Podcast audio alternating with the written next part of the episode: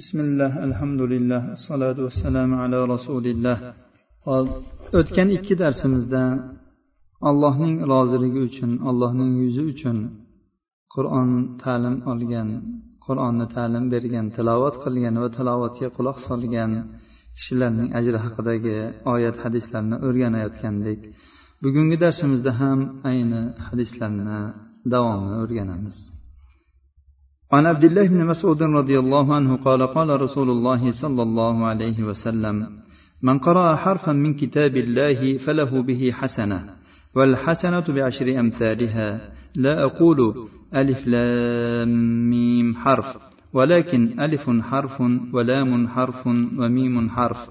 رواه الترمذي وقال حديث حسن صحيح. Abdulloh ibn masud roziyallohu anhudan rivoyat qilinadi. Dedilar rasululloh sollallohu alayhi vasallam aytdilar kim alloh taoloning kitobidan bir harf o'qiydigan bo'lsa u uchun bir hasana bordir. Bir hasana esa o'zining mislidagi o'nta hasana bilan birgadir. Men alif lam mim bir harf deb aytmayman va lekin alif bir harf lom bir harf mim yana bir harfdir. imom termiziy rivoyatlari ya'ni alif lam mim deb o'qigan odamga o'ttizta hasana bo'ladi ushbu hadis sahih targ'ib va tarhibda bir ming to'rt yuz o'n oltinchi raqam ostida sahih sanalgan وعن أبي موسى الأشعري رضي الله عنه قال قال رسول الله صلى الله عليه وسلم مثل المؤمن الذي يقرأ القرآن مثل الأترجة. ريحها طيب وطعمها طيب. ومثل المؤمن الذي لا يقرأ القرآن كمثل التمرة لا ريح لها وطعمها حلو. ومثل المنافق وفي رواية الفاجر الذي يقرأ القرآن مثل الريحانة ريحها طيب وطعمها مر. ومثل المنافق وفي رواية الفاجر الذي لا يقرأ القرآن كمثل الحنظلة ليس لها ريح وطعمها مر رواه البخاري ومسلم abu muso al ashariy roziyallohu anhudan rivoyat qilinadi dedilar rasululloh sollallohu alayhi vasallam aytdilar qur'on o'qiydigan mo'minning misoli utrujjaga o'xshaydi uning hidi shirin mazasi ham shirin utrujja apelsinsimon meva. Qur'on o'qimaydigan mo'minning misoli xurmoga o'xshaydi. Uning hidi yo'q mazasi shirin. Qur'on o'qiydigan munofiq bir rivoyatda esa fojir deyilgan. Uning misoli rayhonga o'xshaydi. Hidi xushbo'y mazasi esa achchiq. Qur'on o'qimaydigan munofiq boshqa bir rivoyatda fojir deyilgan. Uning misoli hamvalaga ya'ni it hamakka o'xshaydi. Uning hidi yo'q. Mazasi esa achchiq. Imom buxoriy va muslim rivoyatlari. Ushbu muborak hadisda iymon ta'mga o'xshatilyapti. Qur'on tilovati esa hidga o'xshatilyapti bo'yga o'xshatilyapti. Mo'min odam ham o'zi mo'min bo'lib ham qur'on o'qiganligi uchun uni bo'yi ham shirin mazasi ham shirin. Qur'on o'qimaydigan mo'minni qur'on o'qimaganligi uchun uni bo'ysiz ya'ni hidsiz xurmoga o'xshatildi. Ta'mi iymoni bo'lganligi uchun shirindir.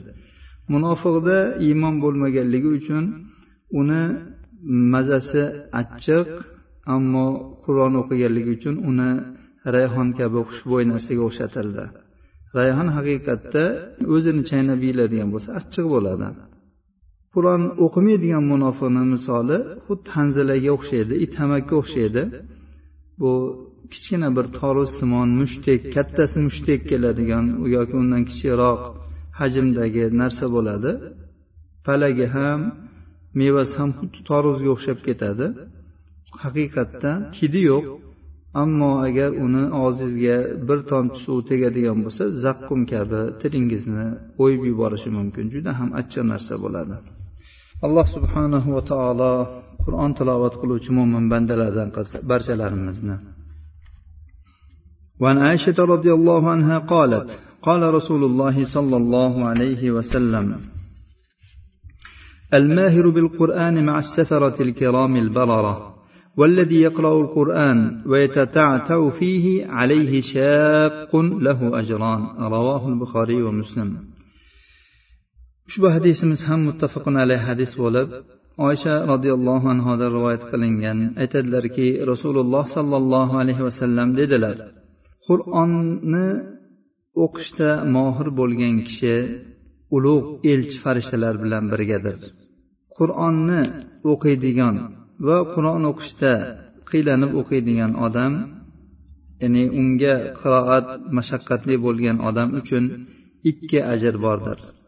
Bir ajr qur'on tilovat qilgani uchun bo'lsa yana bir ajr unda qiylanganligi uchun.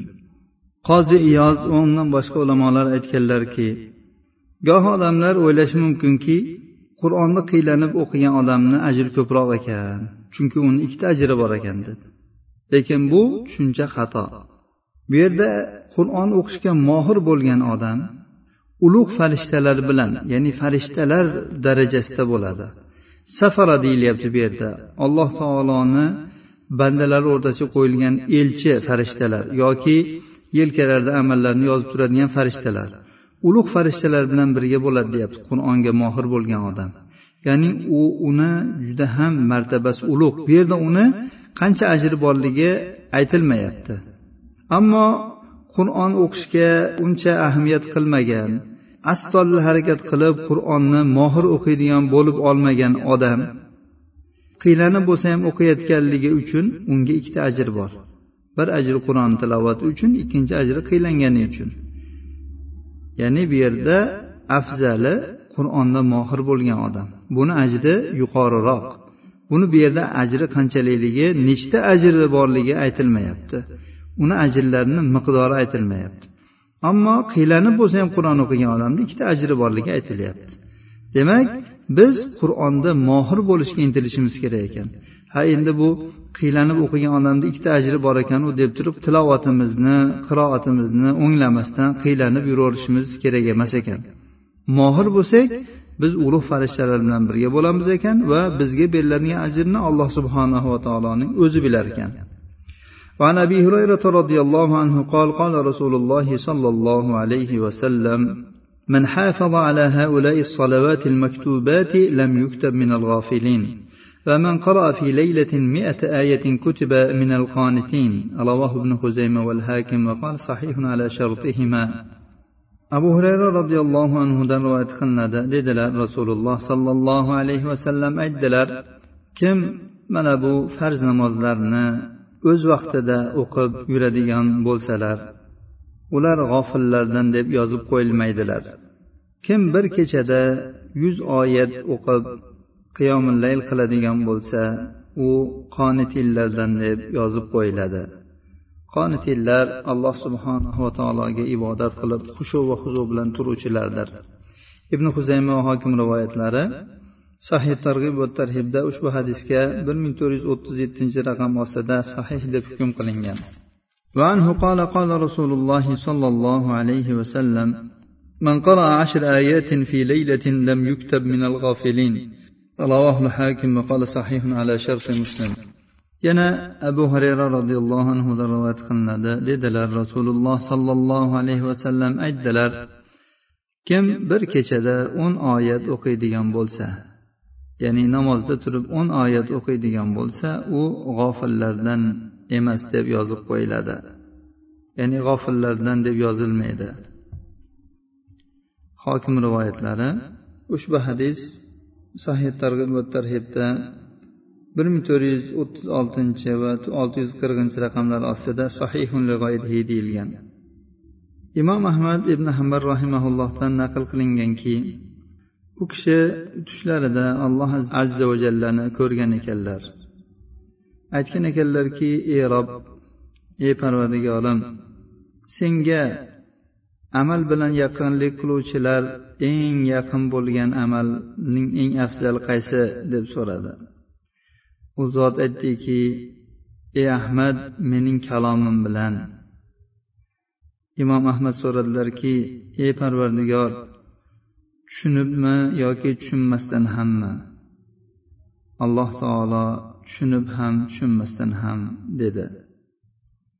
Imom ahmaddan naql qilingan ushbu tush albatta bizga biror bir hukmni qilishimizga hujjat bo'lmasa ham. Lekin bu ko'plab ajam qavmlari uchun bir bashoratdekdir. Chunki qancha qancha musulmonlar bor qur'oni karimni yod olishgan tilovat qilishadi biroq ma'nolarini arabchani bilmaganliklari uchun tushunmaydilar. Alloh subhanahu va taoloning fazli karami keng. Bu qalbgaki alloh taolo o'z kalomini yodlashni nasib qilgan va uni kechayu kunduzi tilovat qilishga muvaffaq qilgan. Alloh taolo ularni o'zining fazli marhamatidan hargiz mahrum qilmaydi. Alloh subhanahu va taoloni fazli karamidan so'raymiz. Lekin bu bilan odam aldanib qolmasligi kerak. Balki qur'oni karimni ma'nolarini tushunib anglashga va ma'nolar ifoda qilgan tushunib bilgan narsalariga amal qilishga harakat qilishi lozim bo'ladi alloh subhanahu va taolo o'tgan darsimizda o'qib o'tgan hadislarimizni qalblarimizga jo qilib va bu hadislarga hayotimizda go'zal amal qiladigan bandalardan qilsin هذا وصلى الله على نبينا محمد وعلى آله وصحبه وسلم